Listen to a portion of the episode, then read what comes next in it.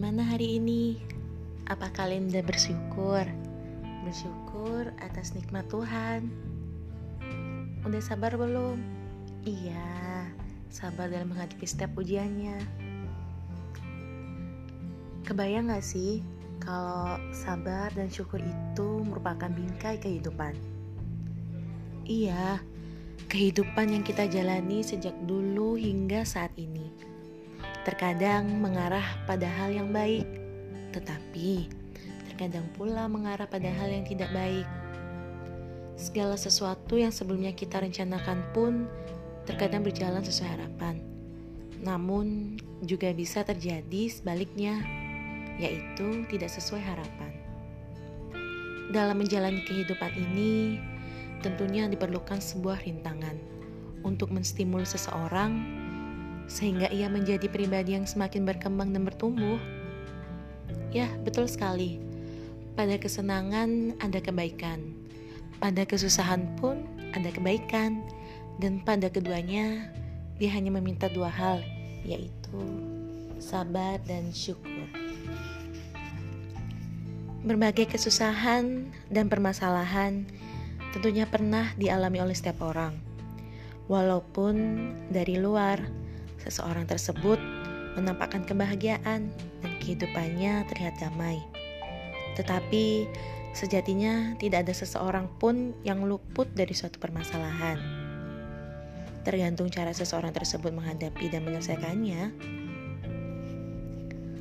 Bukankah segala kesusahan yang dirasakan itu janganlah dijadikan sebagai alasan untuk menjadi manusia yang malas, dan mudah menyerah dalam setiap melakukan usaha. Adapun kesenangan dan kegembiraan juga janganlah dijadikan sebagai alasan untuk menjadi lupa daratan. Sesungguhnya penilaian Allah bukan pada keberhasilan yang diraih, tetapi mindset dalam menjalani proses kehidupan demi memberikan hasil sebaik-baiknya dan juga hati selalu ingat kepada sang pengatur dan sang pemberi. Maka di sinilah sabar dan syukur itu berperan jika digambarkan sebagai sebuah bingkai kehidupan. Bingkai sabar ini berada di posisi bawah. Ia menahan diri kita dari kemalasan dan mudah menyerah atau bahkan menjadi manusia yang kufur. Sementara bingkai syukur berada di posisi atas. Ia merupakan pembatas diri dari kesombongan, ujub, dan takabur. Sudah sepantasnya bahwa sikap sabar dan syukur seharusnya dimiliki oleh setiap manusia dan merasuk dalam hati setiap orang. Dua sikap ini sebaiknya tidak dipisahkan dalam hati setiap insan, karena keduanya bisa dipergunakan berdasarkan situasi dan kondisi, sehingga kita bisa menyikapi suatu kondisi dengan baik dan benar.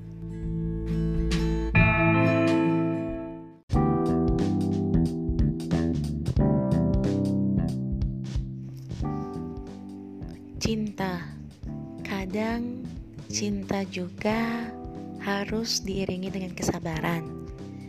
Iya, dan sabar itu cinta.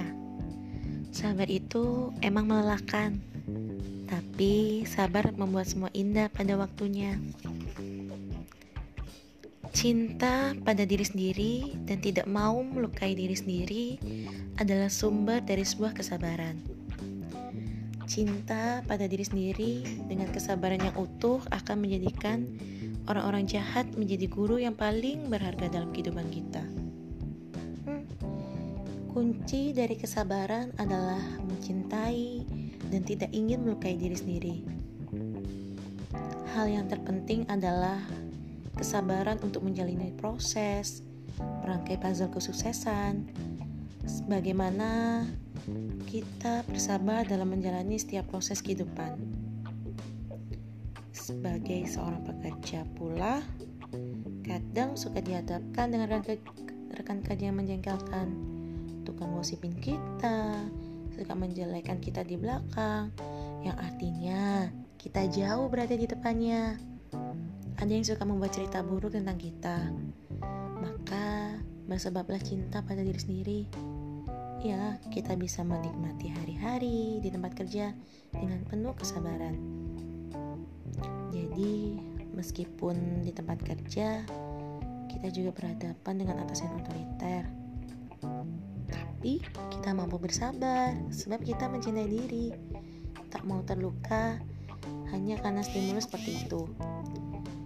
Kita justru akan terdorong menemukan celah untuk peningkatan kualitas diri atas sikap otoriter dari atasan. Loh, kok bisa? Ya, tentu saja bisa. Saat atasan otoriter, itu sejatinya ia menginginkan kita bisa mencapai kemampuan yang sama seperti dalam persepsinya.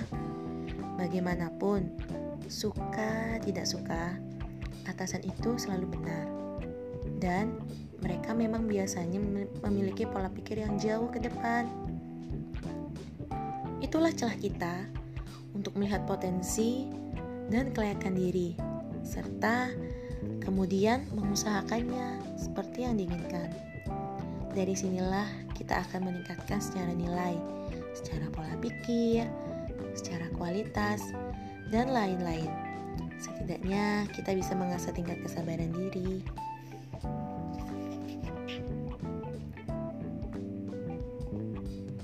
Sabarlah, mungkin ada hal yang harus dipersiapkan agar saat kita mendapatkan kesempatan nantinya, kita sudah siap menjalaninya. Sabarlah, sebab orang yang belum semestinya mendapatkan reward, tapi sudah dipromosikan, maka ia hanya akan mendapatkan mudorot. Bisa saja ia mendapatkan banyak cibiran dari orang-orang di sekelilingnya yang kemudian akan mengganggu ketenangan psikologisnya. Jadi, sabarlah dan kuatkan cinta di jiwa. thank you